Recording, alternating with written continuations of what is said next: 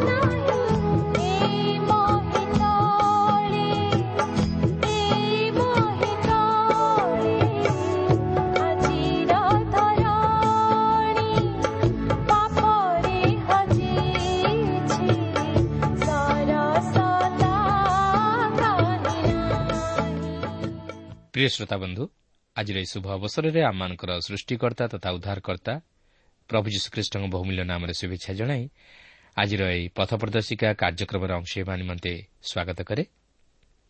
ଆପଣଙ୍କର ସହଯୋଗ ତଥା ମତାମତ ନିମନ୍ତେ ଓ ହୃଦୟସ୍ପର୍ଶୀ ସାକ୍ଷ୍ୟ ନିମନ୍ତେ ବିଶେଷ ଧନ୍ୟବାଦ। ଆପଣଙ୍କର ପ୍ରାର୍ଥନାର ଅନୁରୋଧ ରକ୍ଷା କରି ଆମେ ଆପଣଙ୍କ ନିମନ୍ତେ ପ୍ରାର୍ଥନା କରୁଅଛୁ।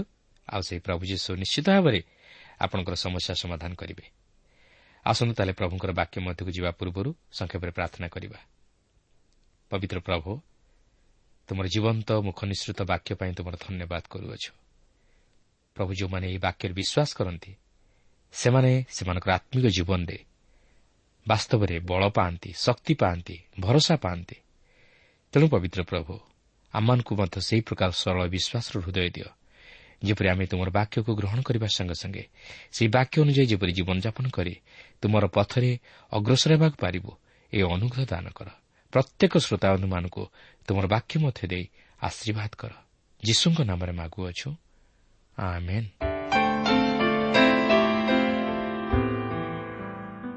ଆସନ୍ତୁ ବର୍ତ୍ତମାନ ଆମେ ପ୍ରଭୁଙ୍କର ବାକ୍ୟ ମଧ୍ୟକୁ ଯିବା। ଆଜି ଆମେ ଦ୍ୱିତୀୟ ସାମୁଏଲ୍ ପୁସ୍ତକର ସାତ ପର୍ବର ପ୍ରଥମ ପଦରୁ ଆରମ୍ଭ କରି ଆଠ ପର୍ବର ଚଉଦ ପଦ ପର୍ଯ୍ୟନ୍ତ ଅଧ୍ୟୟନ କରିବା ନିମନ୍ତେ ଯିବା। ଆପଣଙ୍କର ମନେଥିବ ଯେ ଗତ ଆଲୋଚନାରେ ଆମେ ଦେଖିଥିଲୁ ଦାଉଦ ସେହି ନିୟମ ସିନ୍ଧୁକକୁ ଅବିନାଦବର ଗୃହରୁ ଜିରୁସାଲମକୁ ଆଣିଲେ ଓ ସେ ଅତି ଆନନ୍ଦରେ ବିଭୋର ହୋଇ ନୃତ୍ୟ କରି ଈଶ୍ୱରଙ୍କର ପ୍ରଶଂସା ଗାନ କଲେ ଓ ଜଣେ ସାଧାରଣ ଲୋକ ପରି ଅନ୍ୟମାନଙ୍କ ସହିତ ଈଶ୍ୱରଙ୍କର ଉପାସନା କରୁ କରୁ ଈଶ୍ୱରଙ୍କ ପ୍ରେମରେ ମଜିଗଲେ। ମାତ୍ର ତାହାଙ୍କର ସ୍ତ୍ରୀ ମିଖଲ ତାହା ଦେଖି ଦାଉଦଙ୍କୁ ତୁଚ୍ଛ କରିବାରୁ ତାହାର ମରଣ ଦିନ ପର୍ଯ୍ୟନ୍ତ ସନ୍ତାନ ନୋହିଲା। କାରଣ ଈଶ୍ୱରଙ୍କ ଅଭିଷିକ୍ତ ଲୋକଙ୍କ ବିରୁଦ୍ଧରେ କଥା କହି କୌଣସି ଲୋକ ରକ୍ଷା ପାଇପାରିବ ନାହିଁ। ସେ ନିଶ୍ଚୟ ଈଶ୍ୱରଙ୍କ ଦ୍ୱାରା ବିଚାରିତ ହେବ। ବର୍ତ୍ତମାନ ଆମେ ଏହି ଦ୍ୱିତୀୟ ସାମୁଏଲ୍ ପୁସ୍ତକର ସାତ ପର୍ବ ମଧ୍ୟକୁ ଯିବା। ଏହି ସାତ ପର୍ବରେ ଈଶ୍ୱର ଦାଉଦଙ୍କ ସହିତ କରିଥିବା ନିୟମ ସମ୍ପର୍କରେ ଆଲୋଚନା କରିବାକୁ ଯିବା। ବାସ୍ତବରେ ଏହି ପର୍ବଟି ପବିତ୍ର ବାଇବଲ ମଧ୍ୟରେ ଅତି ଗୁରୁତ୍ୱପୂର୍ଣ୍ଣ ପର୍ବ। ଏହି ପର୍ବରେ ଦାଉଦଙ୍କ ପ୍ରତି ଈଶ୍ୱରଙ୍କର ମହାନ ପ୍ରତିଜ୍ଞା ଲିପିବଦ୍ଧ ହୋଇଅଛି ଯାହାକି ପ୍ରଭୁ ଯୀଶୁ ଖ୍ରୀଷ୍ଟ ଦାଉଦଙ୍କ ବଂଶରେ ଜନ୍ମଗ୍ରହଣ କରିବା ଦ୍ୱାରା ସଫଳ ହେଲା। ପବିତ୍ର ବାଇବଲର ମୁଖ୍ୟ ସମ୍ବାଦ ଏହି ପ୍ରତିଜ୍ଞା ଉପରେ ଆଧାରିତ। ଦାଉଦଙ୍କ ବଂଶରୁ ଜଣେ ରାଜା ଓ ରାଜ୍ୟର ଆଗମନ ହେବ ବୋଲି ଈଶ୍ୱର ପ୍ରତିଜ୍ଞା କରିଥିଲେ। ଈଶ୍ୱର କେବଳ ଦାଉଦଙ୍କ ପୁତ୍ର ସଲମନଙ୍କୁ ଦୃଷ୍ଟି ଆଗରେ ରଖି ଏହି ପ୍ରତିଜ୍ଞା କରିନଥିଲେ ମାତ୍ର ଖ୍ରୀଷ୍ଟଙ୍କୁ ଯେ କି ଦାଉଦ ସନ୍ତାନ ବୋଲି ନାମିତ ହୋଇଥିଲେ। ତାହାଙ୍କୁ ଦୃଷ୍ଟି ଆଗରେ ରଖି ଏହି ପ୍ରତିଜ୍ଞା କରିଥିଲେ ଯାହାଙ୍କର ରାଜ୍ୟ ଅନନ୍ତକାଳ ସ୍ଥାୟୀ। ଦାଉଦ ମଧ୍ୟ ତାହା ବୁଝିପାରିଥିଲେ ଯେ ଜଣେ ରାଜା ତାହାଙ୍କ ବଂଶରୁ ଉତ୍ପନ୍ନ ହେବେ ଯେ କି ଜଣେ ସାଧାରଣ ମଣିଷଠାରୁ ମଧ୍ୟ ମହାନ ହେବେ। ଆଉ ତାହା ମଧ୍ୟ ନୂତନ ନିୟମରେ ସଫଳ ହେଲା। ଈଶ୍ୱର ଦାଉଦଙ୍କ ସହିତ କରିଥିବା ପ୍ରତିଜ୍ଞାକୁ ସଫଳ କଲେ। ସେଥିପାଇଁ ଲୋକ ପ୍ରଥମ ପର୍ବର ତିରିଶ ପଦରୁ ବତିଶ ପଦ ମଧ୍ୟରେ ଲେଖା ଅଛି ସେଥିରେ ଦୂତ ତାହାଙ୍କୁ କହିଲେ ଆଗ ମରିୟମ୍ ଭୟ କର ନାହିଁ। କାରଣ ତୁମେ ଈଶ୍ୱରଙ୍କ ଛାମୁରେ ଅନୁଗ୍ରହ ପ୍ରାପ୍ତ ହୋଇଅଛ। ଆଉ ଦେଖ ତୁମେ ଗର୍ଭଧାରଣ କରି ଗୋଟିଏ ପୁତ୍ର ପ୍ରସବ କରିବ ଓ ତାହାଙ୍କ ନାମ ଯୀଶୁ ଦେବ। ସେ ମହାନ ହେବେ ଓ ପରାତ୍ପରଙ୍କ ପୁତ୍ର ବୋଲି ଖ୍ୟାତ ହେବେ। ପ୍ରଭୁ ଈଶ୍ୱର ତାହାଙ୍କୁ ତାହାଙ୍କ ପିତା ଦାଉଦଙ୍କ ସିଂହାସନ ଦାନ କରିବେ। ଏପରିକି ନୂତନ ନିୟମ ମଧ୍ୟ ପ୍ରଭୁ ଯୀଶୁଙ୍କର ଏହି ବାକ୍ୟରେ ସମାପ୍ତ ହୁଏ ଯାହାକି ପ୍ରକାଶିତ ବାଇଶ ପର୍ବର ଷୋହଳ ପଦରେ ଲେଖା ଅଛି ଆମ୍ଭେ ଯୀଶୁ ମଣ୍ଡଳୀମାନଙ୍କ ନିମନ୍ତେ ତୁମମାନଙ୍କ ନିକଟରେ ଏହି ସମସ୍ତ ସାକ୍ଷ୍ୟ ଦେବା ପାଇଁ ଆମ୍ଭର ଦୂତକୁ ପ୍ରେରଣ କରିଅଛୁ। ଆମ୍ଭେ ଦାଉଦଙ୍କ ମୂଳ ଓ ବଂଶଜ ସେହି ଉଜ୍ଜଳ ପ୍ରଭାତୀ ତାରା। କେବଳ ନୂତନ ନିୟମରେ ଯେ ଆମେ ସେହି ଭାବବାଣୀର ସଫଳତାକୁ ଲକ୍ଷ୍ୟ କରୁ ତାହା ନୁହେଁ ପୁରାତନ ନିୟମରେ ମଧ୍ୟ ପ୍ରତ୍ୟେକ ଭବିଷ୍ୟତ ବକ୍ତା ଈଶ୍ୱର ଦାଉଦଙ୍କ ସହିତ ରାଜା ଓ ରାଜ୍ୟ ସମ୍ବନ୍ଧୀୟ କରିଥିବା ପ୍ରତିଜ୍ଞାକୁ ଭିତ୍ତି କରି ଭାବାଣୀ ପ୍ରକାଶ କରିଥିଲେ। ଆଉ ତାହା ଅନନ୍ତକାଳ ସ୍ଥାୟୀ ରାଜ୍ୟ। ଦେଖନ୍ତୁ ଜିରିମିୟ ତେଇଶ ପର୍ବର ପାଞ୍ଚ ପଦରେ ଲେଖା ଅଛି ସଦାପ୍ରଭୁ କହନ୍ତି ଦେଖ ଯେଉଁ ସମୟରେ ଆମ୍ଭେ ଦାଉଦ ବଂଶରେ ଏକ ଧାର୍ମିକ ଶାଖା ଉତ୍ପନ୍ନ କରିବା ଏମନ୍ତ ସମୟ ଆସୁଅଛି। ତହିଁରେ ସେ ରାଜା ହୋଇ ରାଜତ୍ୱ କରିବେ ଓ ଜ୍ଞାନରେ ବ୍ୟବହାର କରିବେ ପୁଣି ଦେଶରେ ସୁବିଚାର ଓ ନ୍ୟାୟ ପ୍ରଚଳିତ କରିବେ। ଏହିପରି ଭାବେ ମାଓବାଦୀମାନଙ୍କର ଏହି ରାଜ୍ୟ ସମ୍ବନ୍ଧୀୟ ଭାଓବାଣୀ ଏକ ମୁଖ୍ୟ ଗୀତ ହୋଇ ଉଠିଲା। କିନ୍ତୁ ଦୁଃଖର ବିଷୟ ଯେ ଦାଉଦ ସଦାପ୍ରଭୁଙ୍କ ନିୟମ ସିନ୍ଧୁକର ସ୍ଥାପନାର୍ଥେ ଯେଉଁ ମନ୍ଦିର ନିର୍ମାଣ କରିବେ ବୋଲି ଚାହିଁଥିଲେ ତାହା ସେ କରିପାରି ନ ଥିଲେ ମାତ୍ର ତାହାଙ୍କର ପୁତ୍ର ସଲମନ ତାହା କରିବ ବୋଲି ସଦାପ୍ରଭୁ ପ୍ରତିଜ୍ଞା କରିଥିଲେ କାରଣ ଦାଉଦଙ୍କର ହସ୍ତ ରକ୍ତରେ ପରିପୂର୍ଣ୍ଣ ଥିଲା। ଅର୍ଥାତ୍ ସେ ଏତେଦୂର ଯୁଦ୍ଧପ୍ରିୟ ଥିଲେ ଯେ ଜଣେ ନରଘାତକରେ ପରିଣତ ହୋଇଯାଇଥିଲେ। ତେଣୁକରି ତାହାଙ୍କର ହସ୍ତ ଦ୍ୱାରା ମନ୍ଦିର ଯେ ନିର୍ମିତ ହେଉ ଏହା ଈଶ୍ୱର ଚାହିଁନଥିଲେ ତେବେ ଦେଖନ୍ତୁ ଦ୍ୱିତୀୟ ସାମୁଏଲ ସାତ ପର୍ବର ପ୍ରଥମ ତିନି ପଦରେ ଏହିପରି ଲେଖା ଅଛି ଅନନ୍ତର ରାଜା ଆପଣା ଗୃହରେ ବାସ କରିବା ବେଳେ ଓ ସଦାପ୍ରଭୁ ତାଙ୍କର ଚତୁର୍ଦ୍ଦିଗସ୍ଥିତ ଶତ୍ରୁମାନଙ୍କଠାରୁ ତାଙ୍କୁ ବିଶ୍ରାମ ଦେଲା ଉତ୍ତାରେ ରାଜା ନାଥନ ଭବିଷ୍ୟତ ବକ୍ତାଙ୍କୁ କହିଲେ ଦେଖ ଏବେ ମୁଁ ଏରସ କାଷ୍ଠ ନିର୍ମିତ ଗୃହରେ ବାସ କରୁଅଛି ମାତ୍ର ପରମେଶ୍ୱରଙ୍କ ସିନ୍ଧୁକ ଯବନିକା ମଧ୍ୟରେ ବାସ କରୁଅଛି। ତହିଁରେ ନାଥନ୍ ରାଜାଙ୍କୁ କହିଲେ ଯାଅ। ତୁମ୍ଭ ହୃଦୟରେ ଯାହା ଅଛି ତାହା ସବୁ କର। କାରଣ ସଦାପ୍ରଭୁ ତୁମ୍ଭ ସଙ୍ଗରେ ଅଛନ୍ତି। ଆସନ୍ତୁ ଏହାର ପୃଷ୍ଠଭୂମି ପ୍ରତି ଟିକେ ଦୃଷ୍ଟିପାତ କରିବା। ଏଥିପୂର୍ବରୁ ଆମେ ଦେଖିସାରିଛୁ ଯେ ଦାଉଦ ଜିରୁସାଲାମ ନଗରକୁ ଅଧିକାର କରି ତାହାକୁ ନିଜର ରାଜଧାନୀ କଲେ। ସୋରର ରାଜା ହିରମ୍ ସିଓନ ପର୍ବତ ଉପରେ ଦାଉଦଙ୍କ ନିମନ୍ତେ ଏକ ରାଜପ୍ରାସାଦ ନିର୍ମାଣ କଲେ। ଶେଷରେ ଦାଉଦ ଜିରୁସାଲମକୁ ସଦାପ୍ରଭୁଙ୍କର ନିୟମ ସିନ୍ଧୁକୁ ଆଣିଲେ। କିନ୍ତୁ ଦିନେ ସେ ନିଜର ପ୍ରାସାଦ ମଧ୍ୟରେ ବସିଥିବା ସମୟରେ ସଦାପ୍ରଭୁଙ୍କର ନିୟମ ସିନ୍ଧୁକ ପ୍ରତି ତାହାଙ୍କର ମନ ଆସକ୍ତ ହେଲା। କାରଣ ସେହି ନିୟମ ସିନ୍ଧୁକ ତମ୍ବୁ ନିର୍ମିତ ଗୃହ ମଧ୍ୟରେ ଥିଲା। ହୋଇପାରେ ତାହା ଏକ ବର୍ଷା ରାତି ହୋଇଥିବ ଓ ସେହି ବର୍ଷାର ଟପ୍ ଟପ୍ ଶବ୍ଦ ତାଙ୍କର ମନକୁ ବିଚଳିତ କରିଦେଇଥିବ। ସେହି ତମ୍ବୁ ମଧ୍ୟରେ ଥିବା ନିୟମ ସିନ୍ଧୁକ ବିଷୟ ରାଜା ଚିନ୍ତା କରୁଛନ୍ତି। ସେହି ନିୟମ ସିନ୍ଧୁକ ବର୍ଷାରେ ଭିଜୁ ନାହିଁ ତ? ନାହିଁ। ମୁଁ ନିଶ୍ଚିତ ଭାବେ ସେହି ନିୟମ ସିନ୍ଧୁକ ସ୍ଥାପନାର୍ଥେ ଏକ ମନ୍ଦିର ନିର୍ମାଣ କରିବି। ମୁଁ ଈଶ୍ୱରଙ୍କ ନିମନ୍ତେ ଏକ ଗୃହ ନିର୍ମାଣ କରିବି। ତେଣୁକରି ସେ ନାତନ ଭବିଷ୍ୟତ ବକ୍ତାଙ୍କୁ ଡକାଇ ତାହାଙ୍କ ହୃଦୟର ସମସ୍ତ କଥା ତାହାଙ୍କୁ ଜଣାଇଲେ ଓ ନାଥନ ମଧ୍ୟ ଦାଉଦଙ୍କ କଥାରେ ନିଜର ସମ୍ମତି ପ୍ରଦାନ କଲେ। ଆଉ ନାଥନ କହୁଛନ୍ତି ଯାଅ ତୁମ୍ଭ ହୃଦୟରେ ଯାହା ଅଛି ତାହା ସବୁ କର। କାରଣ ସଦାପ୍ରଭୁ ତୁମ ସଙ୍ଗରେ ଅଛନ୍ତି। କିନ୍ତୁ ନାଥନ ଏଠାରେ ପ୍ରକୃତରେ କିଛି ବୁଝିପାରିନଥିଲେ ସେଠାରେ ଭୁଲ ମନ୍ତବ୍ୟ ଦେଉଛନ୍ତି। କାରଣ ଏହା ମଧ୍ୟ ଘଟିବା ସାଧାରଣ କଥା ଯେହେତୁ ଦାଉଦ କିଛି ଭୁଲ ବା ଖରାପ କଥା କହିନଥିଲେ ସେ ଈଶ୍ୱରଙ୍କ ନିମନ୍ତେ ଏକ ଗୃହ ନିର୍ମାଣ କରିବାକୁ ମନରେ ସ୍ଥିର କଲେ ଓ ନାଥନ ମଧ୍ୟ ତହିଁରେ ଏକମତ ଥିଲେ। କିନ୍ତୁ ଏହା ଈଶ୍ୱରଙ୍କର ଇଚ୍ଛା ନ ଥିଲା ଯେ ଦାଉଦ ତାହାଙ୍କ ନିମନ୍ତେ ଏକ ଗୃହ ନିର୍ମାଣ କରନ୍ତୁ। ତେଣୁକରି ନାଥନ ଏପରି କହିବା ଦ୍ୱାରା ମଧ୍ୟ ଭୁଲ କଲେ। କାରଣ ଦାଉଦଙ୍କ ହସ୍ତ ରକ୍ତରେ ପରିପୂର୍ଣ୍ଣ ଥିଲା ଓ ସେ ପାପ କରିଥିଲେ। ତେଣୁକରି ଈଶ୍ୱର କହନ୍ତି ଦାଉଦ ତୁମେ ସେହି ମନ୍ଦିର ମୋ ନିମନ୍ତେ ନିର୍ମାଣ କରିପାରିବ ନାହିଁ। କିନ୍ତୁ ସେ ଯାଉନା କାହିଁକି ଏହି ଚିନ୍ତାଧାରା ଦାଉଦଙ୍କ ହୃଦୟ ମଧ୍ୟରେ ଥିଲା ଓ ଈଶ୍ୱର ମଧ୍ୟ ଏଥିନିମନ୍ତେ ଦାଉଦଙ୍କୁ ତହିଁର ସମ୍ମାନ ଦିଅନ୍ତି।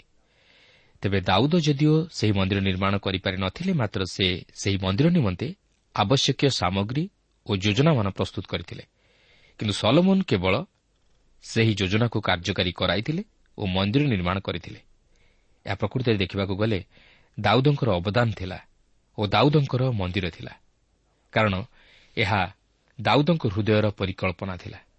ଦେଖନ୍ତୁ ସାତ ପର୍ବର ଚାରିପଦରୁ ଛଅ ପଦ ମଧ୍ୟରେ ଏହିପରି ଲେଖା ଅଛି ଏଉତାରେ ସେହି ରାତ୍ରି ସଦାପ୍ରଭୁଙ୍କ ବାକ୍ୟ ନାଥନଙ୍କ ନିକଟରେ ଉପସ୍ଥିତ ହେଲା ଯଥା ଯାଅ ଆମ ଦାସ ଦାଉଦକୁ ଜଣାଅ ସଦାପ୍ରଭୁ ଏହି କଥା କହନ୍ତି ତୁମ୍ଭେ କି ଆମ୍ଭ ନିମନ୍ତେ ବସତି ଗୃହ ନିର୍ମାଣ କରିବ?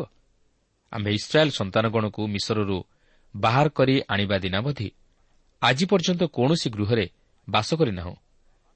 ମାତ୍ର ତମ୍ବୁ ଓ ଆବାସ ମଧ୍ୟରେ ଗତାୟତ କରିଅଛୁ। ଦେଖନ୍ତୁ ଅନ୍ୟ ଅର୍ଥରେ କହିବାକୁ ଗଲେ ଈଶ୍ୱର ନାଥନଙ୍କୁ ସଂଶୋଧିତ କରିବାକୁ ଥିଲା। ସେ ନାଥନଙ୍କୁ କହନ୍ତି ନାଥନ ତୁମ୍ଭେ ଦାଉଦଙ୍କୁ ତୁମ୍ଭର ଯେଉଁ ବଚନ ଦେଇଛ ତାହା ଭୁଲ। ଓ ତୁମ୍ଭେ ତାହାକୁ ସଂଶୋଧନ କରି ଦାଉଦଙ୍କୁ ଏପରି କୁହ ଯେ ସଦାପ୍ରଭୁ ତୁମ୍ଭର ଏହି ଚିନ୍ତାଧାରାକୁ ଗ୍ରହଣ କରନ୍ତି ଓ ଏଥିନିମନ୍ତେ ଆପଣଙ୍କର ପ୍ରଶଂସା କରନ୍ତି। କିନ୍ତୁ ସେ ତୁମକୁ ତାହା ସାଧନ କରିବା ନିମନ୍ତେ କହିନାହାନ୍ତି। କେବଳ ସେ ନିଜର ଲୋକମାନଙ୍କୁ ତାହାଙ୍କ ନିମନ୍ତେ ଏକ ବସତି ଗୃହ ନିର୍ମାଣ କରିବାକୁ କେବେ ହେଲେ କହିନାହାନ୍ତି। ମାତ୍ର ସେ ସେହି ତମ୍ବୁ ଗୃହରେ ତାଙ୍କ ଲୋକମାନଙ୍କ ସହିତ କଥା କହିଛନ୍ତି ଓ ସାକ୍ଷାତ କରିଛନ୍ତି। ଅନ୍ୟ ଅର୍ଥରେ କହିବାକୁ ଗଲେ ଈଶ୍ୱର ତାଙ୍କର ଲୋକମାନଙ୍କ ନିକଟରେ ସେହି ତମ୍ବୁ ଗୃହରେ ଆପଣଙ୍କୁ ପରିଚିତ କରାଇଛନ୍ତି। ଏପରିକି ପ୍ରଭୁ ଯୀଶୁଖ୍ରୀଷ୍ଟ ଏହି ଜଗତକୁ ଆସି ତାଙ୍କର ଲୋକମାନଙ୍କ ନିକଟରେ ଜଣେ ମାନବ ରୂପେ ନିଜକୁ ପରିଚିତ କରାଇଲେ। ଯେପରି ସେ ମନୁଷ୍ୟ ପରି ଜଣେ ମନୁଷ୍ୟ ହୋଇ ମାନବ ଜାତିର ନିମନ୍ତେ ପ୍ରାୟଶ୍ଚିତ ସାଧନ କରିପାରନ୍ତି ତାହା ହିଁ ସେଦିନ ଈଶ୍ୱର ତାଙ୍କର ଲୋକମାନଙ୍କ ସହିତ ନିଜକୁ ପରିଚିତ କରାଇଥିଲେ। ଏହାପରେ ସାତ ପର୍ବର ସାତ ପଦରେ ଲେଖା ଅଛି ଆମ୍ଭେ ସମୁଦାୟ ଇସ୍ରାଏଲ୍ ସନ୍ତାନ ସହିତ ଯେସବୁ ସ୍ଥାନରେ ଗମନାଗମନ କଲୁ ତହିଁମଧ୍ୟରୁ କୌଣସି ସ୍ଥାନରେ ଆମ୍ଭ ଲୋକ ଇସ୍ରାଏଲ୍କୁ ପାଳନ କରିବା ପାଇଁ ଯେଉଁମାନଙ୍କୁ ଆଜ୍ଞା ଦେଇଥିଲୁ ଇସ୍ରାଏଲ୍ର ଏପରି କୌଣସି ବଂଶକୁ ତୁମ୍ଭେମାନେ କିହେତୁ ଆମ୍ଭ ପାଇଁ ଏରସ କାଷ୍ଠଗୃହ ନିର୍ମାଣ କରିନାହଁ ଏପରି ଏକ କଥା କି ଆମ୍ଭେ କହିଅଛୁ? ଅନ୍ୟ ଅର୍ଥରେ କହିବାକୁ ଗଲେ ମନ୍ଦିର ନିର୍ମାଣ କରିବା ଦାଉଦଙ୍କର ଯୋଜନା ଥିଲା। କିନ୍ତୁ ଏହା ଈଶ୍ୱରଙ୍କର ଆଦେଶ ନଥିଲା। କିନ୍ତୁ ଈଶ୍ୱର ଦାଉଦଙ୍କର ଏହିପରି ମନୋଭାବ ନିମନ୍ତେ ତାଙ୍କର ପ୍ରଶଂସା କରନ୍ତି। ସାତ ପର୍ବର ଆଠ ପଦ ମଧ୍ୟରେ ଆମେ ଦେଖୁ ଈଶ୍ୱର କହନ୍ତି ମୁଁ ଯେତେବେଳେ ତୁମକୁ ମନୋନୀତ କଲି ସେତେବେଳେ ତୁମ୍ଭେ ଏକ ଛୋଟ ମେଣ୍ଢା ଚରାଇବା ବାଳକ ଥିଲ। ଏବଂ ମୁଁ ତୁମକୁ ମୋର ଲୋକମାନଙ୍କ ଉପରେ ଶାସକ କରି ନିଯୁକ୍ତ କରିଅଛି ଏହାପରେ ସାତ ପର୍ବର ନଅ ପଦରେ ଆମେ ପ୍ରକୃତରେ ଦେଖିବାକୁ ଗଲେ ଦାଉଦ ଈଶ୍ୱରଙ୍କ ଦୃଷ୍ଟିରେ ସବୁଠାରୁ ମହାନ ରାଜା ବୋଲି ବିବେଚିତ ହୋଇଥିଲେ ଓ ତାହାଙ୍କ ପରି କୌଣସି ସୁଦକ୍ଷ ଶାସକ ନଥିଲେ। ଏହାପରେ ସାତ ପର୍ବର ଦଶ ପଦରେ ଲେଖା ଅଛି ଯେ ଈଶ୍ୱର ତାଙ୍କର ଲୋକମାନଙ୍କ ନିମନ୍ତେ ଏକ ଚିରସ୍ଥାୟୀ ବାସସ୍ଥାନ ନିରୂପଣ କରିବ ବୋଲି ପ୍ରତିଜ୍ଞା କରନ୍ତି ଯାହାକି ଏପର୍ଯ୍ୟନ୍ତ ମଧ୍ୟ ସଫଳ ହୋଇନାହିଁ। ମାତ୍ର ଭବିଷ୍ୟତରେ ଈଶ୍ୱର ତାହା ସଫଳ କରିବା ପାଇଁ ଯାଉଅଛନ୍ତି ଓ ସେ ସେମାନଙ୍କୁ ସେମାନଙ୍କର ଶତ୍ରୁମାନଙ୍କଠାରୁ ସେମାନଙ୍କୁ ବିଶ୍ରାମ ଦେବାକୁ ଯାଉଅଛନ୍ତି। ଏହାପରେ ସାତ ପର୍ବର ସତର ପଦ ମଧ୍ୟରେ ଆମେ ଲକ୍ଷ୍ୟ କରିବାକୁ ପାରୁ ଯେ ଏହା ଅତି ଚମତ୍କାର ଅଂଶ। ଏହି ଅଂଶରେ ଈଶ୍ୱରଙ୍କର ପ୍ରତିଜ୍ଞାଯୁକ୍ତ ବାକ୍ୟ ଦାଉଦଙ୍କୁ ପ୍ରଦତ୍ତ ହୋଇଥିବାର ଆମେ ଲକ୍ଷ୍ୟ କରୁଅଛୁ ଯାହାକି ଖ୍ରୀଷ୍ଟଙ୍କ ଜୀବନରେ ବାସ୍ତବରେ ସଫଳ ହେଲା। କାରଣ ସେ ହେଉଛନ୍ତି ସେହି ଦାଉଦ ସନ୍ତାନ ଯାହାଙ୍କର ରାଜ୍ୟ ଅନନ୍ତ କାଳ ସ୍ଥାୟୀ ଈଶ୍ୱର ଏଠାରେ ପ୍ରକୃତରେ ସଲମନଙ୍କ ବିଷୟ ନେଇ ପ୍ରକାଶ କରିନଥିଲେ। ମାତ୍ର ପ୍ରଭୁ ଯୀଶୁଖ୍ରୀଷ୍ଟଙ୍କ ବିଷୟ ନେଇ ଭାବବାଣୀ ପ୍ରକାଶ କରିଥିଲେ। ସଲମନଙ୍କୁ ଯଦିଓ ଏଠାରେ ଏକ ଦୃଷ୍ଟାନ୍ତ ରୂପେ ରଖାଯାଇଥିଲା ମାତ୍ର ଏହା ସେହି ଭବିଷ୍ୟତର ରାଜ୍ୟକୁ ପ୍ରକାଶ କରେ ଯାହାକି ଚିରସ୍ଥାୟୀ ରାଜ୍ୟ ହେବ ଓ ପ୍ରଭୁ ଯୀଶୁଖ୍ରୀଷ୍ଟ ତହିଁର ରାଜା ହେବେ।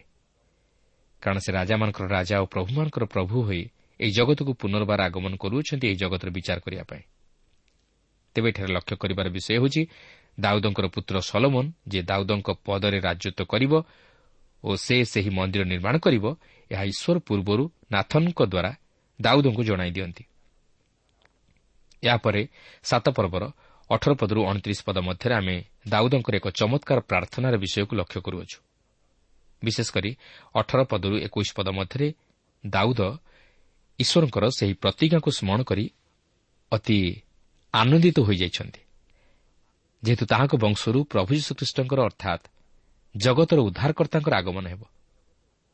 ସେମାନେ ଜଣକର ଆଗମନର ଅପେକ୍ଷାରେ ଥିଲେ। ସେ ନାରୀର ବଂଶରୁ ଆଗମନ କରିବାର ଥିଲା। ସେ ଅବ୍ରାହ୍ମଙ୍କ ବଂଶରୁ ଆଗମନ କରିବାର ଥିଲା। ସେ ଜିହୁଦାର ବଂଶରୁ ଆଗମନ କରିବାର ଥିଲା। ଓ ବର୍ତ୍ତମାନ ଆମେ ଦେଖୁଛୁ ଯେ ସେ ଦାଉଦଙ୍କ ବଂଶରୁ ଆଗମନ କରିବାର ଥିଲା। ତେବେ ଏହା ଥିଲା କେବଳ ଈଶ୍ୱରଙ୍କ ଅନୁଗ୍ରହ ଯାହାକି ଦାଉଦ ନିଜେ ତାହା ଅନୁଭବ କରିପାରିଥିଲେ। କାରଣ ସେ ନିଜର ଜୀବନକୁ ସମୀକ୍ଷା କରିଥିଲେ। ଓ ଇସ୍ରାଏଲ୍ର ସନ୍ତାନଗଣର ଦୁର୍ବଳତାକୁ ଜାଣିଥିଲେ। ତେଣୁକରି ସେ ଈଶ୍ୱରଙ୍କ ସମସ୍ତ ଦୟା ଓ ଅନୁଗ୍ରହକୁ ସ୍ମରଣ କରି ତାହାଙ୍କ ନିକଟରେ କୃତଜ୍ଞତା ଜ୍ଞାପନ କରନ୍ତି ଯାହାକି ଆମେ ବାଇଶ ପଦରୁ ଅଣତିରିଶ ପଦ ମଧ୍ୟରେ ଲକ୍ଷ୍ୟ କରିବାକୁ ପାରୁ। ଆଉ ସେହି ଦୟା ପ୍ରେମ ଓ ଅନୁଗ୍ରହ ଈଶ୍ୱର ପ୍ରଭୁ ଯୀଶୁଖ୍ରୀଷ୍ଟଙ୍କ ମାଧ୍ୟମରେ ଆଜି ସମଗ୍ର ଜଗତ ନିକଟରେ ପ୍ରକାଶ କରିଅଛନ୍ତି। ସେହି ପ୍ରଭୁ ଯୀଶୁଖ୍ରୀଷ୍ଟ ପାପୀ ମନୁଷ୍ୟକୁ ପାପରୁ ଉଦ୍ଧାର କରିବା ନିମନ୍ତେ ସମଗ୍ର ମାନବ ଜାତି ନିମନ୍ତେ କୃଷାର୍ପିତ ହୋଇ ପ୍ରାୟଶ୍ଚିତ ସାଧନ କଲେ। ଯେପରି ତାହାଙ୍କର ସେହି କୃଷିୟ ପବିତ୍ର ରକ୍ତ ଦ୍ୱାରା ପାପୀକୁ ତାହାର ପାପରୁ ଧୋଇ ସୂଚୀ କରିପାରନ୍ତି। ଈଶ୍ୱର ଦାଉଦଙ୍କ ନିକଟରେ ଯେଉଁ ପ୍ରତିଜ୍ଞା କରିଥିଲେ ତାହା ସେ ସଫଳ କଲେ। ସେହି ପ୍ରଭୁ ଯୀଶୁଖ୍ରୀଷ୍ଟ ପୁନର୍ବାର ରାଜାମାନଙ୍କର ରାଜା ଓ ପ୍ରଭୁମାନଙ୍କର ପ୍ରଭୁ ହୋଇ ଏହି ଜଗତରେ ବିଚାର କରିବାକୁ ଆସୁଅଛନ୍ତି। ସେ ଧର୍ମରେ ଓ ନ୍ୟାୟରେ ଜଗତରେ ବିଚାର କରିବେ। ସେ ଦାଉଦଙ୍କ ସିଂହାସନରେ ଉପବେଶନ କରି ଅନନ୍ତକାଳ ପର୍ଯ୍ୟନ୍ତ ରାଜତ୍ୱ କରିବେ। ତାଙ୍କ ରାଜ୍ୟର ଅବସାନ ହେବ ନାହିଁ ଓ ସେ ଯୁଗେ ଯୁଗେ ରାଜତ୍ୱ କରିବେ। ତାଙ୍କର ପ୍ରଥମ ଆଗମନରେ ସେ ଜଣେ ଉଦ୍ଧାରକର୍ତ୍ତା ରୂପେ ଆଗମନ କରି ମାନବ ଜାତିର ଉଦ୍ଧାର ସାଧନ କଲେ। କିନ୍ତୁ ତାହାଙ୍କର ଦ୍ୱିତୀୟ ଆଗମନରେ ସେ ଜଣେ ବିଚାରକ ଭାବେ ଆଗମନ କରିବେ ଓ ଜଗତର ବିଚାର କରିବେ। ସେ ସମସ୍ତ ଅଧାର୍ମିକତାର କାର୍ଯ୍ୟକୁ ଲୋପ କରି ଧାର୍ମିକତା ପ୍ରତିଷ୍ଠିତ କରାଇବେ। ଓ ସେ ଶାନ୍ତି ରାଜ୍ୟ ପ୍ରତିଷ୍ଠା କରିବେ। ତେଣୁ ପ୍ରିୟ ବନ୍ଧୁ ବର୍ତ୍ତମାନ ହେଉଛି ଅନୁଗ୍ରହର ସମୟ। ଏହି ଅନୁଗ୍ରହକୁ ଯଦି ଆମେ ପଦାଘାତ କରୁ ତାହେଲେ ଶେଷରେ ଆମେ ଈଶ୍ୱରଙ୍କ ବିଚାରର ସମ୍ମୁଖୀନ ହେବା ଓ ଅନନ୍ତ ନରକରେ ନିକ୍ଷିପ୍ତ ହେବା। ତେଣୁ ତାହା ଯେପରି ନ ଘଟେ ଏଥି ନିମନ୍ତେ ସମୟ ଥାଉଁ ଥାଉଁ ପାପରୁ ଫେରି ଧାର୍ମିକତାର ପଥରେ ଅନୁଗମନ କରୁ ଓ ପ୍ରଭୁ ଯୀଶୁଖ୍ରୀଷ୍ଟଙ୍କଠାରେ ନିଜର ପାପ ସବୁ ସ୍ୱୀକାର କରି ପାପରୁ ଉଦ୍ଧାର ପାଇ ଖ୍ରୀଷ୍ଟଙ୍କୁ ନିଜର ଉଦ୍ଧାରକର୍ତ୍ତା ତଥା ରାଜା ରୂପେ ଗ୍ରହଣ କରୁ ତାହେଲେ ସେ ଆମମାନଙ୍କୁ ସୁରକ୍ଷା କରିବେ ଓ ସେହି ଅନନ୍ତ ଜୀବନର ପଥରେ କଢ଼ାଇ ନେବେ ଈଶ୍ୱର ମଧ୍ୟ ଆପଣଙ୍କ ନିମନ୍ତେ ଓ ମୋ ନିମନ୍ତେ ପ୍ରତିଜ୍ଞା କରିଅଛନ୍ତି ଯାହାକି ଜୋହନ ତିନି ପର୍ବର ଷୋହଳ ପଦରେ ଲେଖା ଅଛି କାରଣ ଈଶ୍ୱର ଜଗତକୁ ଏଡ଼େ ପ୍ରେମ କଲେ ଯେ ସେ ଆପଣର ଅଦ୍ୱିତୀୟ ପୁତ୍ରଙ୍କୁ ଦାନ କଲେ ଯେପରି ଯେ କେହି ତାହାଙ୍କଠାରେ ବିଶ୍ୱାସ କରେ ସେ ବିନଷ୍ଟ ନ ହୋଇ ଅନନ୍ତ ଜୀବନ ପ୍ରାପ୍ତ ହୁଏ ଦାଉଦ ମଧ୍ୟ ଈଶ୍ୱରଙ୍କର ସେହି ପ୍ରତିଜ୍ଞା ଉପରେ ସମ୍ପୂର୍ଣ୍ଣ ନିର୍ଭର କରି ବିଶ୍ୱାସର ସହିତ ସେହି ପରିତ୍ରାଣର ଅଧିକାରୀ ହୋଇଥିଲେ। ବର୍ତ୍ତମାନ ଲକ୍ଷ୍ୟ କରିବାର ବିଷୟ ହେଉଛି ଦାଉଦ ଜିରୁସାଲମକୁ ତାହାଙ୍କର ରାଜଧାନୀ କରି ସେହି ସ୍ଥାନକୁ ନିୟମ ସିନ୍ଧୁକୁ ଆଣିଲେ ଓ ତାହାଙ୍କର ରାଜ୍ୟ ପ୍ରତିଷ୍ଠା କରି ଜୋନାଥନର ପୁତ୍ର ମଫିବସତ୍ ସହିତ ମଧ୍ୟ ବନ୍ଧୁତା ସ୍ଥାପନ କଲେ। ସେ ମଧ୍ୟ ଇସ୍ରାଏଲ୍ର ପୁରାତନ ଶତ୍ରୁମାନଙ୍କୁ ଦମନ କରି ତାହାଙ୍କ ରାଜ୍ୟର ସୀମାରେଖା ବିସ୍ତାରିତ କଲେ। ଦେଖନ୍ତୁ ଦାଉଦ ତାଙ୍କର ରାଜ୍ୟ କିପରି ଦୃଢ଼ ରୂପେ ସ୍ଥାପନ କରୁଅଛନ୍ତି। ଦ୍ୱିତୀୟ ସମୟ ଆଠ ପର୍ବର ପ୍ରଥମ ପଦରେ ଏହିପରି ଲେଖା ଅଛି ଅନନ୍ତର ଦାଉଦ ପଲିଷ୍ଟିୟମାନଙ୍କୁ ପରାସ୍ତ କରି ନତ କଲେ ଓ ଦାଉଦ ପଲିଷ୍ଟିୟମାନଙ୍କ ହସ୍ତରୁ ସେମାନଙ୍କ ମାତୃନଗରର କର୍ତ୍ତୃତ୍ୱ ନେଲେ। ଦେଖନ୍ତୁ ଏଠାରେ ଅନନ୍ତର ବୋଲି ଯେଉଁ ଶବ୍ଦ ବ୍ୟବହୃତ ହୋଇଅଛି ଏହା ସେହି ସମୟକୁ ଦର୍ଶାଏ ଯାହାକି ଈଶ୍ୱର ଦାଉଦଙ୍କ ସହିତ ନିୟମ ସ୍ଥାପନ କରିବା ପରେ ଦାଉଦ ବର୍ତ୍ତମାନ ସମ୍ପୂର୍ଣ୍ଣ ରାଜପଦର ଅଧିକାରୀ ଓ ସେ ରାଜପଦରେ ନିଜକୁ ପ୍ରତିଷ୍ଠିତ କରିସାରିଛନ୍ତି ଓ ସେ ତାହାଙ୍କର ରାଜ୍ୟ ମଧ୍ୟ ପ୍ରତିଷ୍ଠା କରିସାରିଛନ୍ତି। ଓ ଏଥିସହିତ ମଧ୍ୟ ସେ ଇସ୍ରାଏଲୀୟମାନଙ୍କର ପୁରାତନ ଶତ୍ରୁ ପଲିଷ୍ଟିୟମାନଙ୍କୁ ମଧ୍ୟ କେବଳ ଇସ୍ରାଏଲ୍ ଦେଶରୁ ନୁହେଁ ମାତ୍ର ସେମାନଙ୍କର ନିଜ ଅଧିକୃତ ସୀମାରୁ ମଧ୍ୟ ସେମାନଙ୍କୁ ତଡ଼ି ଦେଇଛନ୍ତି ପଲିଷ୍ଟିୟମାନେ ଏଥିପୂର୍ବରୁ ଇସ୍ରାଏଲ୍ର ଦାକ୍ଷିଣାତ୍ୟ ଅଞ୍ଚଳ ଅଧିକାର କରିଥିଲେ। ମାତ୍ର ଦାଉଦ ତାହା ପୁନର୍ବାର ନିଜର ଅଧିକାର ମଧ୍ୟକୁ ନେଇ ଆସିଲେ। ଏଥିରୁ ଦାଉଦଙ୍କର ବୀରତ୍ୱର ଓ ସାହସିକତାର ପରିଚୟ ମିଳେ। ସେ ଈଶ୍ୱରଙ୍କ ପ୍ରତିଜ୍ଞା ଉପରେ ନିର୍ଭର କରି ବିଶ୍ୱାସର ସହିତ ଆଗେଇ ଯାଇଥିଲେ। ସେ ଜାଣିଥିଲେ ଯେ ଈଶ୍ୱର ତାଙ୍କର ସହବର୍ତ୍ତୀ ଅଛନ୍ତି ଓ ସେ ତାହାଙ୍କୁ ନିଶ୍ଚୟ ସୁରକ୍ଷା ପ୍ରଦାନ କରିବେ ଓ ଶତ୍ରୁ ଉପରେ ଜୟ ପ୍ରଦାନ କରାଇବେ। ତେବେ ସୋବାର ରାଜା ଉପରେ ଜୟଯୁକ୍ତ ହେବାର ବିଷୟକୁ ପ୍ରକାଶ କରିବାକୁ ଯାଇ ଆଠ ପର୍ବର ଦୁଇ ପଦରୁ ଚାରିପଦ ମଧ୍ୟରେ ଏହିପରି ଉଲ୍ଲେଖ ହୋଇଥିବାର ଲକ୍ଷ୍ୟ କରିବାକୁ ପାରୁ। ପୁଣି ସେ ମୟାବକୁ ପରାସ୍ତ କରି ସେହି ଲୋକମାନଙ୍କୁ ଭୂମିରେ ଶୟନ କରାଇ ଦୌଡ଼ିରେ ମାପିଲେ ଓ ସେ ବଧ କରିବା ପାଇଁ ଦୁଇ ଦୌଡ଼ି ଓ ଜୀବିତ ରଖିବା ପାଇଁ ସମ୍ପୂର୍ଣ୍ଣ ଏକ ଦୌଡ଼ି ମାପିଲେ। ତହିଁରେ ମୟାବୀୟମାନେ ଦାଉଦଙ୍କର ଦାସ ହୋଇ ଦର୍ଶନୀ ଆଣିଲେ। ସୋବାର ରାଜା ରହବର ପୁତ୍ର ହଦଦେଶର ଫରାତ ନଦୀ ନିକଟରେ ଆପଣା ରାଜ୍ୟ ପୁନର୍ବାର ହସ୍ତଗତ କରିବାକୁ ଯିବା ସମୟରେ ଦାଉଦ ତାହାକୁ ପରାସ୍ତ କଲେ। ପୁଣି ଦାଉଦ ତାହାଠାରୁ ଏକ ସହସ୍ର ସାତଶହ ଅଶ୍ୱାରୂଢ଼ ଓ କୋଡ଼ିଏ ସହସ୍ର ପଦାତିକ ସୈନ୍ୟ ନେଲେ। ଆଉ ଦାଉଦ ରଥ ଅଶ୍ୱ ସମସ୍ତର ଗୋଡ଼ ଶିରା କାଟି ପକାଇଲେ। ମାତ୍ର ତହିଁ ମଧ୍ୟରୁ ଶହେ ରଥ ପାଇଁ ଅଶ୍ୱ ରଖିଲେ। ଦେଖନ୍ତୁ ସୁବାର ରାଜା ହଦଦେଶର ରାଜ୍ୟ ପୂରାପୂରି ୟୁଫ୍ରାଟିସ୍ ନଦୀ ପର୍ଯ୍ୟନ୍ତ ବିସ୍ତାରିତ ହୋଇ ରହିଥିଲା। ଦାଉଦ ସେହି ରାଜାର ଏକ ହଜାର ରଥ ନେଇଗଲେ ଓ କେତେକ ଅଶ୍ୱ ମଧ୍ୟ ନେଇଗଲେ। ସେ ଯଦିଓ ସବୁକିଛି ପରିତ୍ୟାଗ କରିଥିଲେ ମାତ୍ର କେତେକ ଅଶ୍ୱ ରଥ ପାଇଁ ରଖିଲେ। ପୁରାତନ ନିୟମର ଦ୍ୱିତୀୟ ବିବରଣ ପୁସ୍ତକରେ ଆମେ ଦେଖୁ ଯେ ଈଶ୍ୱର ଇସ୍ରାଏଲ୍ର ରାଜାମାନଙ୍କ ନିମନ୍ତେ କେତେକ ନିୟମ ପ୍ରଦାନ କରିଥିଲେ। ସେହି ରାଜାମାନେ ଅନେକ ଅଶ୍ୱ ରଖିବେ ନାହିଁ କି ଅନେକ ସ୍ତ୍ରୀ ରଖିବେ ନାହିଁ କିମ୍ବା ଅନେକ ସୁନାରୂପା ବଢ଼ାଇବେ ନାହିଁ। କାରଣ ଏହାଦ୍ୱାରା ସେମାନେ ଈଶ୍ୱରଙ୍କ ଉପରେ ନିର୍ଭର ନ ଦେଇ ନିଜର ବାହୁବଳ ଉପରେ ନିର୍ଭର ରଖିବେ ଫଳତଃ ସେମାନେ ଈଶ୍ୱରଙ୍କଠାରୁ ଦୂରବର୍ତ୍ତୀ ଜୀବନଯାପନ କରି ପାପରେ ପତିତ ହେବେ। ତେଣୁକରି ଈଶ୍ୱର ଏହିପରି ସେହି ରାଜାମାନଙ୍କ ନିମନ୍ତେ ନିୟମ ପ୍ରଣୟନ କରିଥିଲେ। ତେବେ ଦାଉଦ ଯଦିଓ ଅନେକ ସ୍ତ୍ରୀ ରଖିଥିଲେ ମାତ୍ର ସେ ଅନ୍ତତଃପକ୍ଷେ ଏହି ଅଶ୍ୱ ରଖିବା ନେଇ ଈଶ୍ୱରଙ୍କର ନିୟମକୁ ପାଳନ କରିବା ନିମନ୍ତେ ଚେଷ୍ଟା କରିଥିଲେ। ତେଣୁକରି ସେ ଅନେକ ଅଶ୍ୱ ନ ରଖି ଅଳ୍ପ କେତେକ ଅଶ୍ୱ ରଖିଥିଲେ। କିନ୍ତୁ ତାହାଙ୍କ ପୁତ୍ର ସଲୋମନ ଅନେକ ଅଶ୍ୱ ରଖିବା ସହିତ ଅନେକ ସ୍ତ୍ରୀମାନଙ୍କୁ ମଧ୍ୟ ରଖିଥିଲେ। ତେବେ ଏହି ପର୍ବରେ ଦାଉଦଙ୍କର ଦେଶ ଅଧିକାର କରିବା ନେଇ କେତେକ ବିବରଣୀ ମଧ୍ୟ ପ୍ରଦାନ କରାଯାଇଅଛି। ଯଦି ଆପଣ ମାନଚିତ୍ରରେ ଦେଖିବେ ତାହେଲେ ଦାଉଦ ଯେଉଁ ସମସ୍ତ ନୂତନ ନୂତନ ରାଜ୍ୟ ଅଧିକାର କରିଥିଲେ ତାହା ଜାଣିପାରିବେ। ସେ ଇସ୍ରାଏଲ୍ ରାଜ୍ୟର ସୀମାରେଖା ବଢ଼ାଇଲେ ସେ ଦକ୍ଷିଣରେ ପଲିଷ୍ଟିମାନଙ୍କ ଦେଶ ପର୍ଯ୍ୟନ୍ତ ଓ ପୂର୍ବରେ ମୁଆବିୟମାନଙ୍କ ଦେଶ ପର୍ଯ୍ୟନ୍ତ ତାହାଙ୍କ ରାଜ୍ୟର ସୀମାରେଖା ବଢ଼ାଇଲେ। ସେ ଦୁର୍ଗ ରକ୍ଷାକାରୀ ସୈନ୍ୟଦଳକୁ ସିରିଆ ଓ ଇଦୋମରେ ସ୍ଥାପନ କଲେ। ତେଣୁ ଆମେ ଦେଖିବାକୁ ପାରୁଛୁ ଯେ ଏହିପରି ଭାବେ ସିରିଆ ମୟାବ ଅମୋନ୍ ଓ ପଲେଷ୍ଟିୟମାନେ ଓ ଅମାଲେକୀୟମାନେ ଦାଉଦଙ୍କର ବସତା ସ୍ୱୀକାର କରି ରହିଲେ ଓ ଏହିପରି ଭାବେ ମଧ୍ୟ ଦାଉଦଙ୍କୁ କର ଦେଲେ। ଏହାପରେ ଆଠ ପର୍ବର ପାଞ୍ଚ ପଦରୁ ବାର ପଦ ମଧ୍ୟରେ ଆମେ ଦେଖୁ ଯେ ଦାଉଦ କିପରି ଭାବେ ଦେଶ ଜୟ କରି ଶତ୍ରୁମାନଙ୍କୁ ଦମନ କରିବା ସଙ୍ଗେ ସଙ୍ଗେ ସେମାନଙ୍କର ରାଜ୍ୟଗୁଡ଼ିକୁ ଅଧିକାର କଲେ। ମୁଁ ଭାବୁଛି ଦାଉଦଙ୍କ ପରି ଇସ୍ରାଏଲ୍ର କୌଣସି ରାଜା ଏତେ ଦେଶ ଜୟ କରିନଥିବେ କି ଏତେ ଦୂର ସୁଦକ୍ଷ ଶାସକ ହୋଇନଥିବେ ଏହାପରେ ଆଠ ପର୍ବର ତେର ପଦରୁ ଚଉଦ ପଦରେ ଆମେ ଦେଖୁ ଯେ ଦାଉଦ କେବଳ ଦକ୍ଷିଣ ପଶ୍ଚିମ ବା ଦକ୍ଷିଣ ପୂର୍ବ ସୀମାନ୍ତକୁ ତାହାଙ୍କର ରାଜ୍ୟ ବିସ୍ତାରିତ କରିନଥିଲେ ଏଥିସହିତ ସେ ଉତ୍ତରକୁ ମଧ୍ୟ ତାହାଙ୍କର ରାଜ୍ୟ ବିସ୍ତାରିତ କରିଥିଲେ। କିନ୍ତୁ ପଶ୍ଚିମକୁ ବିସ୍ତୃତ ହେବାର କହିବା କୌଣସି ଯଥାର୍ଥତା ନାହିଁ କାରଣ ପଶ୍ଚିମରେ ଭୂମଧ୍ୟସାଗର ଅବସ୍ଥିତ। ତେଣୁକରି ଆପଣ ଦେଖନ୍ତୁ ଦାଉଦଙ୍କ ରାଜତ୍ୱ ସମୟରେ ଇସ୍ରାଏଲ୍ର ରାଜ୍ୟ କେତେ ଦୂର ବିସ୍ତାରିତ ହୋଇ ରହିଥିଲା? କିନ୍ତୁ ଏଠାରେ ଗୋଟିଏ ବିଷୟ ଉପରେ ମୁଁ ଆପଣଙ୍କର ଦୃଷ୍ଟି ଆକର୍ଷଣ କରିବା ପାଇଁ ଚାହେଁ ଏଠାରେ ଲେଖା ଅଛି ଆଉ ଦାଉଦ ଯେଉଁଆଡ଼େ ଗଲେ ସଦାପ୍ରଭୁ ତାହାଙ୍କୁ ଜୟ ଦାନ କଲେ। ଦେଖନ୍ତୁ ଏହା ଦାଉଦଙ୍କର ଶକ୍ତିର କାର୍ଯ୍ୟ ନ ଥିଲା ମାତ୍ର ଈଶ୍ୱରଙ୍କର ଶକ୍ତିର କାର୍ଯ୍ୟ ଥିଲା। ଯେହେତୁ ଦାଉଦ ଈଶ୍ୱରଙ୍କର ମନୋରମତ ରାଜା ଥିଲେ ଓ ଈଶ୍ୱର ମଧ୍ୟ ଦାଉଦଙ୍କ ସହବର୍ତ୍ତୀ ଥିଲେ ଈଶ୍ୱର ଦାଉଦଙ୍କୁ ଜୟ ପ୍ରଦାନ କରୁଥିଲେ। ଦାଉଦ ମଧ୍ୟ ଈଶ୍ୱରଙ୍କର ଇଚ୍ଛା ଲୋଡ଼ି କାର୍ଯ୍ୟ କରୁଥିଲେ। ସେ ଈଶ୍ୱରଙ୍କ ଉପରେ ନିର୍ଭର କରିବା ସଙ୍ଗେ ସଙ୍ଗେ ତାହାଙ୍କଠାରେ ବିଶ୍ୱାସରେ ସ୍ଥିର ଥିଲେ। ତେଣୁକରି ଈଶ୍ୱର ମଧ୍ୟ ତାହାଙ୍କୁ ଉଠାଇଲେ ଓ ତାହାଙ୍କ ସମ୍ମୁଖରେ ଶତ୍ରୁମାନେ ପରାଜିତ ହେଲେ। ପ୍ରିୟ ବନ୍ଧୁ ଆମେ ବର୍ତ୍ତମାନ ଦାଉଦଙ୍କ ପରି ଯୁଦ୍ଧ କରୁନାହୁଁ କି ରାଜା ନୁହଁ। ମାତ୍ର ଆମମାନେ ପ୍ରତ୍ୟେକ ଆମମାନଙ୍କର ଦୈନନ୍ଦିନ ଜୀବନରେ ଏକ ଆତ୍ମୀୟ ଯୁଦ୍ଧର ସମ୍ମୁଖୀନ ହେଉ। ଏହି ଯୁଦ୍ଧ ଆଲୋକ ଓ ଅନ୍ଧକାର ଶକ୍ତି ମଧ୍ୟରେ ହୋଇପାରେ ବା ଭଲ ମନ୍ଦ ଓ ପାପ ପୁଣ୍ୟ ମଧ୍ୟରେ ହୋଇପାରେ। କିମ୍ବା ଶୟତାନ ବିରୁଦ୍ଧରେ ହୋଇପାରେ।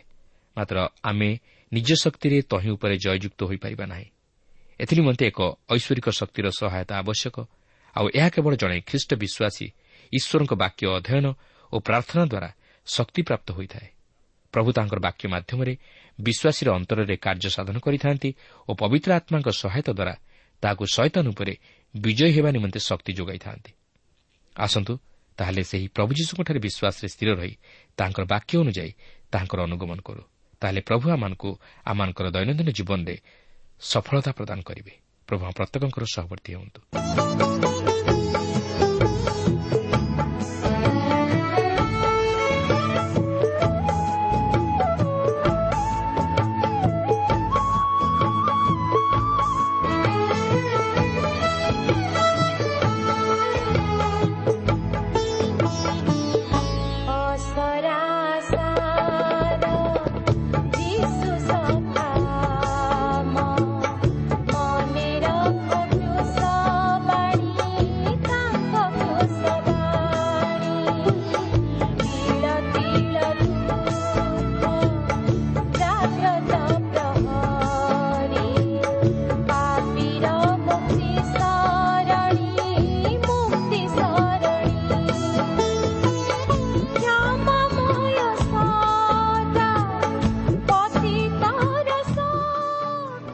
ଶ୍ରୋତା ଆପଣ ଈଶ୍ୱରଙ୍କ ବାକ୍ୟ ଶୁଣିବା ନିମନ୍ତେ ସମୟ ଦେଇଥିବାରୁ ଆମେ ଧନ୍ୟବାଦୀ।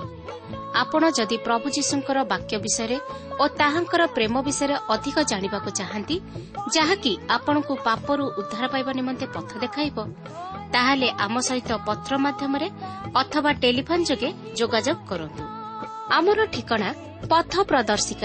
Trans world radio India post box number ତିନି ତିନି ଭୁବନେଶ୍ୱର ସାତ ପାଞ୍ଚ ଏକ ଶୂନ ଶୂନ ଏକ mobile number nine seven double seven double two one four one five ଠିକଣାଟି ଆଉଥରେ ଶୁଣନ୍ତୁ ପଥ ପ୍ରଦର୍ଶିକା trans world radio India post box number three three Bhubaneswar seven five one zero zero one mobile number nine seven double seven double two one four one five ଆମର email ଆଡ୍ରେସଟି ଲେଖି ରଖନ୍ତୁ Odia TTV at radio eight eight two dot com ତେବେ ଆଜି ପାଇଁ ଏଇଠାରେ ରଖୁଛୁ ପ୍ରଭୁ ଯୀଶୁ ଆପଣଙ୍କୁ ଆଶୀର୍ବାଦ କରନ୍ତୁ ନମସ୍କାର